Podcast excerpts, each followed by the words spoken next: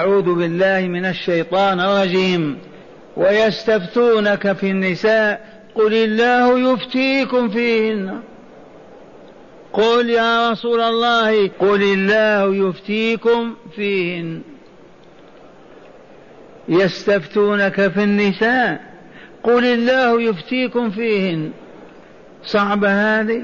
يستفتونك في النساء قل الله يفتيكم فيهن وما يتلى عليكم في الكتاب في يتامى النساء وما يتلى عليكم في الكتاب في يتامى النساء اللاتي لا توتونهن ما كتب لهن وترغبون ان تنكحوهن والمستضعفين من الولدان وان تقوموا لليتامى بالقسط وما تفعلوا من خير فإن الله كان به عليما. ويستفتونك في النساء. قل الله يؤتيكم فيهن وما يتلى عليكم في الكتاب في يتامى النساء اللاتي لا توتونهن ما كتب لهن وترغبون أن تنكحوهن والمستضعفين من الولدان وأن تقوموا لليتامى بالقسط وما تفعلوا من خير فإن الله كان به عليما ويستفتونك في النساء قل الله يفتيكم فيهن وما يتلى عليكم في الكتاب في يتامى النساء اللاتي لا توتونهن ما كتب لهن وترغبون ان تنكحوهن والمستضعفين من الولدان وان تقوموا لليتامى بالقسط وما تفعلوا من خير فان الله كان به عليما هذه الآية الكريمة نزل بيانها وحكمها في أول الصورة وبقي بعض المستضعفين أو بعض ضعفاء الإيمان يترددون ما اطاقوا التشريع المفاجئ الذي يضرب على عادات عاشوا عليها قرونا فكانوا يستفتون من جديد أي يسألون الرسول صلى الله عليه وسلم. فأخبر تعالى الرسول فقال له يستفتونك أي يا محمد يستفتونك أي يطلبون الفتيا منك في أي شيء؟ قال له قل الله يفتيكم. يستفتونك في أي شيء؟ في النساء. يستفتونك في النساء. قل الله يفتيكم فيهن. أولا وفيما يتلى عليكم في الكتاب في يتامى النساء اللاتي لا تؤتونهن ما كتب لهن وترغبون أن تنكحوهن. والمستضعفين من الولدان وأن تقوموا لليتامى بالقسط وما تفعلوا من خير فإن الله كان بعليما يجزيكم به. كاملا وافيا. نعود إلى الآيات التي أحالهم الله تعالى عليها. تقدمت في أول السورة. قال تعالى وآتوا اليت... لا. واتقوا الله الذي تساءلون به والأرحام إن الله كان عليكم رقيبا. وآتوا اليتامى أموالهم. وآتوا اليتامى يا أولياء اليتامى من أعمام ومن إليهم. أعطوا اليتامى أموالهم. هذا أمر الله وإلا لا؟ لأنهم كانوا ما يعتبرون اليتيم أهلا للمال. كل يا ولد واشرب حتى تكبر. نحن المسؤولون عنك. لا يعترفون بإرث لليتيم عرفتم؟ عاشوا عليه قرونا. جاء القرآن يبطل الجاهلية ويوجد العدل والإسلام. وآتوا اليتامى أموالهم. ولا تبدلوا الخبيث بالطيب. وهذا عاشرناه عرفناه فينا لما جهلنا. الولي أو الوصي يأخذ من مال اليتيم الجيد وينسب إليها الردي. شاه سمينة لليتيم يذبحها ويقول خلي الشاة الأولى لليتيم. يبعث ولده. ائتنا بالشاة الفلانية يقول ضعيفة وشاة اليتيم سمينا هات الشهادة بأمثلة وآتوا اليتامى أموالهم ولا تتبدلوا الخبيث بالطيب. تعطوا اليتامى ردي من غنم من إبل من تمر من, من كذا من الأموال المتنوعة. وتأخذوا أنتم الجيد بحجة أن اليتيم ما له قيمة وما هو في حاجة وما إلى ذلك. أبطل الله تعالى هذا نهائيا. وآتوا اليتامى أموالهم ولا تبدلوا الخبيث بالطيب. ما اليتيم طيب يبقى ماله مالكم خبيث يبقى مالكم. أما أن تستبدلوا الطيب بالخبيث لا. أما كونهم يعطونا الطيب ويعطون الخب... يعطونا الطيب لليتيم ويأخذ الخبيث هذا مستحيل. ما يخطر ببالهم. الذي يعملونه أنهم يأكلون الطيب من مال اليتيم ويعطون البدل ما كان رديئا غير جيد. ولا تأكلوا أموالهم إلى أموالكم. يخلطونها معهم ويأكلونها. ولا تأكلوا أموالكم إلى أموالهم. أي لا أفصلوا بين مالكم وبين مال اليتامى. لأن الخلط هذا يسهل عليهم أن يأكلوا أموال يتاماهم. فلا بد من فصل المال.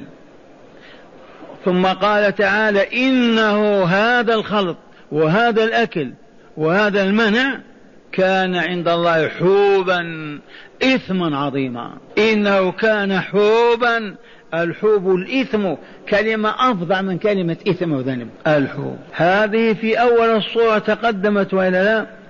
ولا تأكلوا أموالهم إلى أموالكم إنه كان حوبا كبيرا. ثانيا وإن خفتم أن لا تقسطوا في اليتامى فانكحوا ما طاب لكم من النساء. ما معنى هذا؟ يكون لرجل يتيمة دميمة ما معنى دميمة غير جميلة. عرفتم؟ ما يرغب في أن يتزوجها. لأنها ما هي جميلة. والمال عندها. فماذا يصنع؟ إما يتزوجها لأجل المال. وبعد ذلك يسيء إليها ولا يحسن إليها. لأنها ما تعجبه. عرفتم؟ إذا أو يتزوج غيرها وإن خفتم ألا تقسطوا في اليتامى. إن خفت ألا تعدل في هذه اليتيمة. لأنها دميمة ما ترغب فيها ولكن مالها كثير فترغب أن تتزوجها لتأكل مالها. إذا زوج هذه غيرك واعطها مالها وانكح أنت ما طاب لكم ولذ من النساء. اثنتين أو ثلاثة أو أربعة.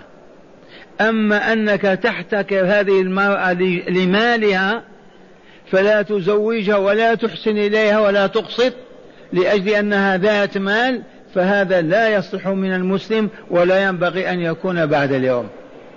وأبطل الله تلك العادة أو ذلك الخلق السيء. وإن خفتم أن لا تقسطوا والقسط والإقساط العدل. أقسط يقسط إذا عدل أما قاسط يقسط إذا جار وظلم. وإن خفتم أن لا تقسطوا في اليتامى فأنكحوا ما طاب لكم من النساء مثنى وثلاث ورباع كما تيسر واتركوا هذه المؤمنة الدميمة ومالها. هذا ويستفتونك في النساء قل الله يفتيكم فيهن وما يتلى عليكم في الكتاب في يتامى النساء.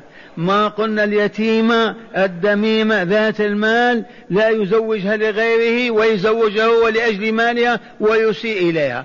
لا يحبها ولا يعطيها حقها. فما هو الإرشاد الصحيح أن يزوجها غيره ويعطيها مالها؟ في يتامى النساء اللاتي لا توتونهن ما كتب لهن. وشيء آخر تكون عند اليتيمة وما عندها مال ويحرمها من المهر. بدل ما يعطيها مهر المثل يعطيها شيء تافه. يقول أنت بنتي أنت من, من عائلتي لما نعطيك الخمسين والستين ألف؟ لا تؤتونهن ما كتب لهن أي من المهور وترغبون أن تنكحوهن. هذا كله تقدم في أول الصورة وما زالت الاستفهامات. فهم يسألون الرسول أجابه له قل لهم. ويستفتونك في النساء قل الله يفتيكم فيهن. وما أي وما يتلى عليكم في الكتاب أي القرآن في يتامى النساء اللاتي لا تؤتونهن ما كتب لهن من المهور وترغبون أن تنكحوهن. والمستضعفين من الولدان كذلك. المستضعفين من الولدان قدمنا أن الأولاد يعتبرون يعني اليتامى لا حق لهم في هذا المال. الوصي أو الولي الذي يتصرف فيه وينفق كما شاء والولد لما يكبر يغتنم ويكسب ويكون له مال. المهم كانوا لا يحترمون أموال اليتامى ولا يعرفون حظا لها أبدا عند الله. فجاء القرآن الكريم فبين لهم الطريق. المستضعفين من الولدان يجب أن ترعى أموالهم وتحفظ وتنمى ولا يؤكل منها كما قال تعالى وآتوا اليتامى أموالهم ولا تبدل الخبيث بالطيب ولا تأكلوا أموالهم إلى أموالكم إنه كان حوبا كبيرا. وبعدها الآية وآتوا النساء صدقاتهن نحلة. مهر. فإن طبن لكم عن شيء منه نفسا فكلوها هنيئا مريئا ولا تؤتوا السفهاء أموالكم التي جعل الله لكم قياما. وارزقوهم فيها واكسوهم وقولوا لهم قولا معروفا. من هم السفهاء؟ الأطفال الصغار والنساء وفاقدي العقل والحصافة العقلية. هؤلاء عيال الله يجب أن تحافظوا على أموالهم. ولا تؤتوا السفهاء أموالكم التي جعل الله لكم قياما. يتيم عندك ما يعرف أن يبيع ولا يشتري. كذا ولا لا؟ لا يصح أن تعطيه المال. احجر عليه. أخوك وإن كان أكبر منك سنا ما يحسن التصرف في المال. يبذره ويفسده. لا يحل لك أن تعطيه هذا المال. زوجتك والمرأة أضعف في هذا الباب.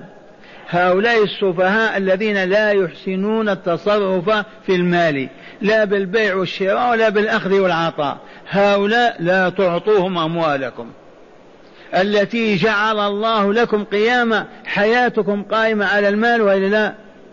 أما يقولون المال قوام الأعمال؟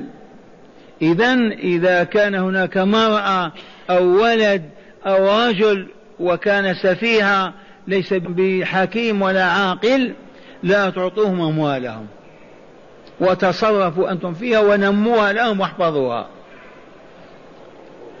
فهمتم هذه؟ ولا تؤتوا السفهاء أموالكم التي جعل الله لكم قياما. قياما أي الحياة قائمة عليها. وبعد ذلك وابتلوا اليتامى.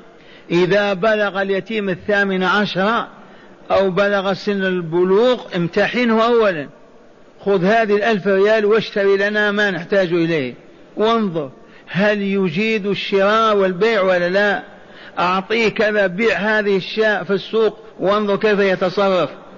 فإذا ابتليته وامتحنته واختبرته وناجح أعطيه ماله. أما ما دام سفيها فلا يحل أن تعطيه المال. وابتلوا اليتامى حتى إذا بلغوا النكاح. فإن آنستم منهم رشدا فادفعوا إليهم أموالهم ولا تأكلوها إسرافا وبدارا أن يكبروا. تعرفون هذه ولا لا؟ الوصي عجل يا ولد استعجل. بعد عام يبلغ يأخذ المال. عجلوا. أنفقوا منه وكلوا واشربوا. خشية أن يكبر ويتسلم ماله. ذي طباع البشر ولا لا؟ إذا لم يهذبها الله عز وجل ويؤدبها ويصلحها ذي حقائقها. ولا تأكلوها إسرافا بدل ما يذبح شيء يذبح شاتين. بدل ما يأتي بقنطار دقيق يأتي بقنطارين. عجلوا. إسرافا وبدارا مخافة أن يكبروا.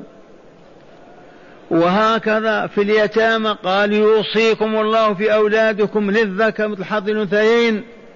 وهكذا ما ترك شيئا تتعلق بحياة المؤمنين إلا أنزل فيه كتابه وبينه رسوله صلى الله عليه وسلم.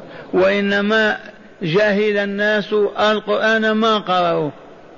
بعد هذا الذي سمعتم في أول السورة قال تعالى يخاطب حبيبه صلى الله عليه وسلم ويستفتونك في النساء ما لهن وما عليهن. قل الله يفتيكم فيهن وقد افتاكم. في الآيات السابقة وما يتلى عليكم في الكتاب في يتامى النساء. بينه تعالى ولا لا اللاتي لا تؤتونهن ما كتب لهن وترغبون أن تنكحوهن. والمستضعفين من الولدان اليتامى وأن تقوموا لليتامى بالقسط. والمستضعفين من الولدان السفهاء أيضا وإن كانوا أولادك. واليتامى كذلك.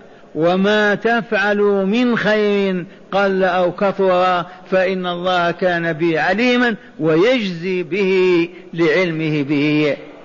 فأدبهم وعلمهم طرق الخير ودعاهم إليها وواعدهم بالجزاء الأوفى. هذا هو الله رب العالمين. هيا نسمع هذه الآية من التفسير لنتأكد من صحة ما علمنا. قال معنى الآيات. هذه الآيات الأربع. كل آية من هذه الآيات الأربع تحمل حكما شرعيا خاصا. يجب على المؤمنين أن يعرفوه وأن يطبقوه فالأولى نزلت هذه الآية إجابة لتساؤلات من بعض الأصحاب. هذه الآية نزلت استجابة الله لعباده المؤمنين لما أخذوا يتساءلون أنزلها الله ليبين لهم حكمه فيما هم شاكين فيه أو مترددين. قال هذه الآية نزلت إجابة لتساؤلات من بعض الأصحاب أصحاب رسول الله صلى الله عليه وسلم حول حقوق النساء ما لهن أي من حقوق وما عليهن أي من حقوق لأن العرف المعتاد الذي كان سائدا في الجاهلية ما هو؟ كان العرف يمنع النساء والأطفال من الميراث بالمرة ماذا تصنع المرأة بالمال هي زوجة زوج ينفق عليها. الأولاد صغار ما يدفعون عن الحي ولا يقاتلون عدو. لا حاجة إلى المال. أطعموهم وأسقوهم واكسوهم. هذا العرف العادي في الجاهلية. قال لأن العرف الذي كان سائدا في الجاهلية كان يمنع النساء والأطفال منين؟ من الميراث بالمرة وكان اليتامى لا يراعى لهم جانب ولا يحفظ لهم حق لأنهم صغار ما يدافعون ولا يكسبون. فلذا نزلت الآيات الأولى من هذه الصورة التي تدارسناها وقررت حق المرأة والطفل في الإرث وحضت على المحافظة على مال اليتامى وكثرت التساؤلات لعل قرآنا ينزل إجابة لهم حيث أطابت نفوسهم لما نزل. في أول السورة قال فنزلت هذه الآية الكريمة. فنزلت هذه الآية الكريمة تردهم إلى ما في أول السورة. ارجعوا لأول السورة. تردهم إلى ما نزل في أول السورة وأنه الحكم النهائي في القضية فلا مراجع بعد هذه. ارجعوا إلى أول الصورة والحكم الموجود هناك هو الحكم النهائي ما في تردد. فلا مراجع بعد هذه. فقال تعالى وهو يخاطب نبيه صلى الله عليه وسلم ويستفتونك في النساء. يخاطب النبي ولا ويستفتونك في النساء أي يطلبون فتياك أي وما زالوا يستفتونك في النساء. لماذا قالوا ويستفتونك بصيغة المضارع؟ معناه يتجدد هذا السؤال. وما زالوا يستفتونك بالنساء أي في شأن ما لهن وما عليهن من حقوق. كالإرث والمهر وما إلى ذلك. الحق الإرث والمهر. قل لهم أيها الرسول الله يفتيكم فيهن وقد أفتاكم فيهن وبين لكم ما لهن وما عليهن. فلم هذا التردد والشك؟ وقوله تعالى وما يتلى عليكم في الكتاب في يتامى النساء اللاتي لا تؤتونهن أي لا تعطونهن ما كتب لهن من واجب وترغبون أن تنكحوهن أي تتزوجوا بهن. أي وما يتلى عليكم في يتامى النساء في أول الصورة كاف لا تحتاجون إلى غيره كاف لكم لا تحتاجون معه إلى من يفتيكم أيضا. إذ بين لكم أن من كانت تحته يتيمة يتيمة دميمة غير جميلة لا يرغب في نكاحها فليعطيها مالها وليزوجها غيره وليتزوج هو من شاء من النساء. ولا يحل له أن يحبسها في بيته لأجل مالها. لا يتزوجها ولا يزوجها. وتبقى كل من يخطبه ما هي مستعدة للزواج. أو هذا غير صالح. بلغنا فضيحة أنا لا أعرف واحدا منكم بنته مدرسة ويرغب في راتبها. كل من يجي يخطبها يقول له ما أنت أهل لهذا. ما كذا ما كذا. فشكت هي. وقالت والدي كل من يخطبني رغبة في الراتب الشهري هذا يدفع. ما يقول هذا لا يصلح هذا ما هو شريف هذا ما هو كذا ما هو كذا. موجود هذا. سمعت بأذني. قال ولا يحل له أن يحبسها في بيته لأجل مالها. فلهذا ننصح ألا تعلموا بناتكم التعلم الذي يرفعها إلى مستوى موظفة. علمها تعليم ينفعها في دينها في عرضها في كمالها في حياتها. أما تؤهل الوظيفة إياك تحرقها وتحترق معها. صار يخطب الرجل موظفة وإلا لا؟ قالوا موظفة قال لا بأس نريدها. ما هي موظفة؟ ما يرغب فيها. تبهتم يرغب في أن يتزوج موظفة مع الرجال. أين المروءة وأين الكرامة وأين الآدمية؟ الجمل يغار على ناقته ويدافع عنها برأسه وبأسنانه التيس بعين يدافع عن أنثاه. وأحدنا يسحب بهذا السحر ويصبح يبحث عن موظفة. حتى يستريح هو في المقهى ويتشتغل ولا رحمة الله عليه أيضا. فهؤلاء في الجاهلية أدبهم الله وعلمهم. ما دامت دميمة ما يرغب في أن يتزوجها ماذا يصنع؟ يترك محبوسة في البيت من أجل مالها سواء كان غنم أو إبل أو زرع. قال الله لا إما أن تتزوجها أو زوجها وأعطيها مالها. فبالطبع هذا لما يسوفها ويمطلها يقول ما جانا الرجل الصالح؟ جاء فلان أهله ما هم بشيء وهكذا يدفع عام بعد عام. قالوا المدرسة إيش فيها؟ ما فيها شيء. نبهتم ما فيها شيء. أخلت وظيفتها وتخلت عن رسالتها. المرأة رسالتها البيت.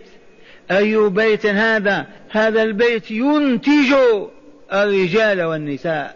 هذا البيت ينتج العابدين والعابدات لله عز وجل. أية وظيفة أشرف؟ وظيفة المال أو وظيفة إنجاب البنين والبنات؟ تربية البنين والبنات في البيت ليصبحوا عبدا يعبدون الله عز وجل ويتهيئون للجنة دار السلام. تتخلى المرأة عن هذا وتشتغل من أجل ماذا؟ عرفنا وانكشفت السوء. من أجل الريال؟ ماذا تصنعين به؟ من أمك إلى فاطمة الزهرة ما توظفت ما قط. وعشنا ومتنا طاهرات سعيدات.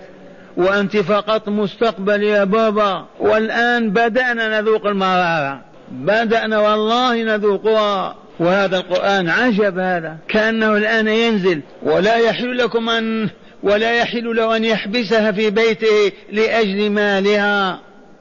وإن كانت جميلة وأراد أن يتزوجها فليعطها مهرها مهر مثيلاتها ولا يبخسها من مهرها شيئا. إذا رغب أن يتزوج ومن أجل مالها فليعطيها مهر مثيلاتها ولا ينقص ولا يبخس منه شيئا. من هذا هذا الوصي الولي لهذه اليتيمة. وقوله تعالى والمستضعفين من الودان. أي وقد أفتاكم بما يتلى عليكم من الآيات في أول الصورة. أفتاكم في المستضعفين من الولدان حيث قد أعطاهم حقهم وافيا في آية يوصيكم الله في أولادكم للذكر مثل حظ الأنثيين. فلم هذه المراجعات؟ لم هذه الاستفتاءات؟ وقوله تعالى وأن تقوموا اليتامى بالقسط أي وما تلي عليكم في أول الصورة كان آمرا إياكم بالقسط لليتامى والعدل في أموالهم فارجعوا إلى الآيات في أول السورة في قوله وآتوا اليتامى أموالهم ولا تبدلوا الخبيث بالطيب ولا تأكلوا أموالهم إلى أموالكم إنه كان حوبا كبيرا. وقوله تعالى في ختام الآية وما تفعلوا من خير فإن الله وما تفعلوا من خير فإن الله كان به عليما. تصحيف الكتابة. حيث حث لهم حث لهم على فعل الخير بالإحسان إلى الضعيفين المرأة واليتيم. من هم الضعيفان؟ المرأة واليتيم زيادة على توفيتهما حقوقهما وعدم المساس بها يحثهم أيضا على فعل الخير معهما. هذا ما دلت على الآية الكريمة ويستفتونك. نسمعكم الآية مرة أخيرة. ويستفتونك في النساء. قل الله يفتيكم فيهن وفي وما يتلى عليكم في الكتاب في يتامى النساء اللاتي لا تؤتونهن ما كتب لهن وترغبون ان تنكحوهن والمصرفين من الولدان وان تقوموا لليتامى بالقسط وما تفعلوا من خير فان الله كان به عليما متى نرجع إلى كتاب الله يا شيخ نقرأ على الموت يكفي. هل رأيتم في قريتكم أمتكم تجتمع كهذه الليلة على كتاب الله تتلوه؟ والله ما كان. كيف نكمل نسعد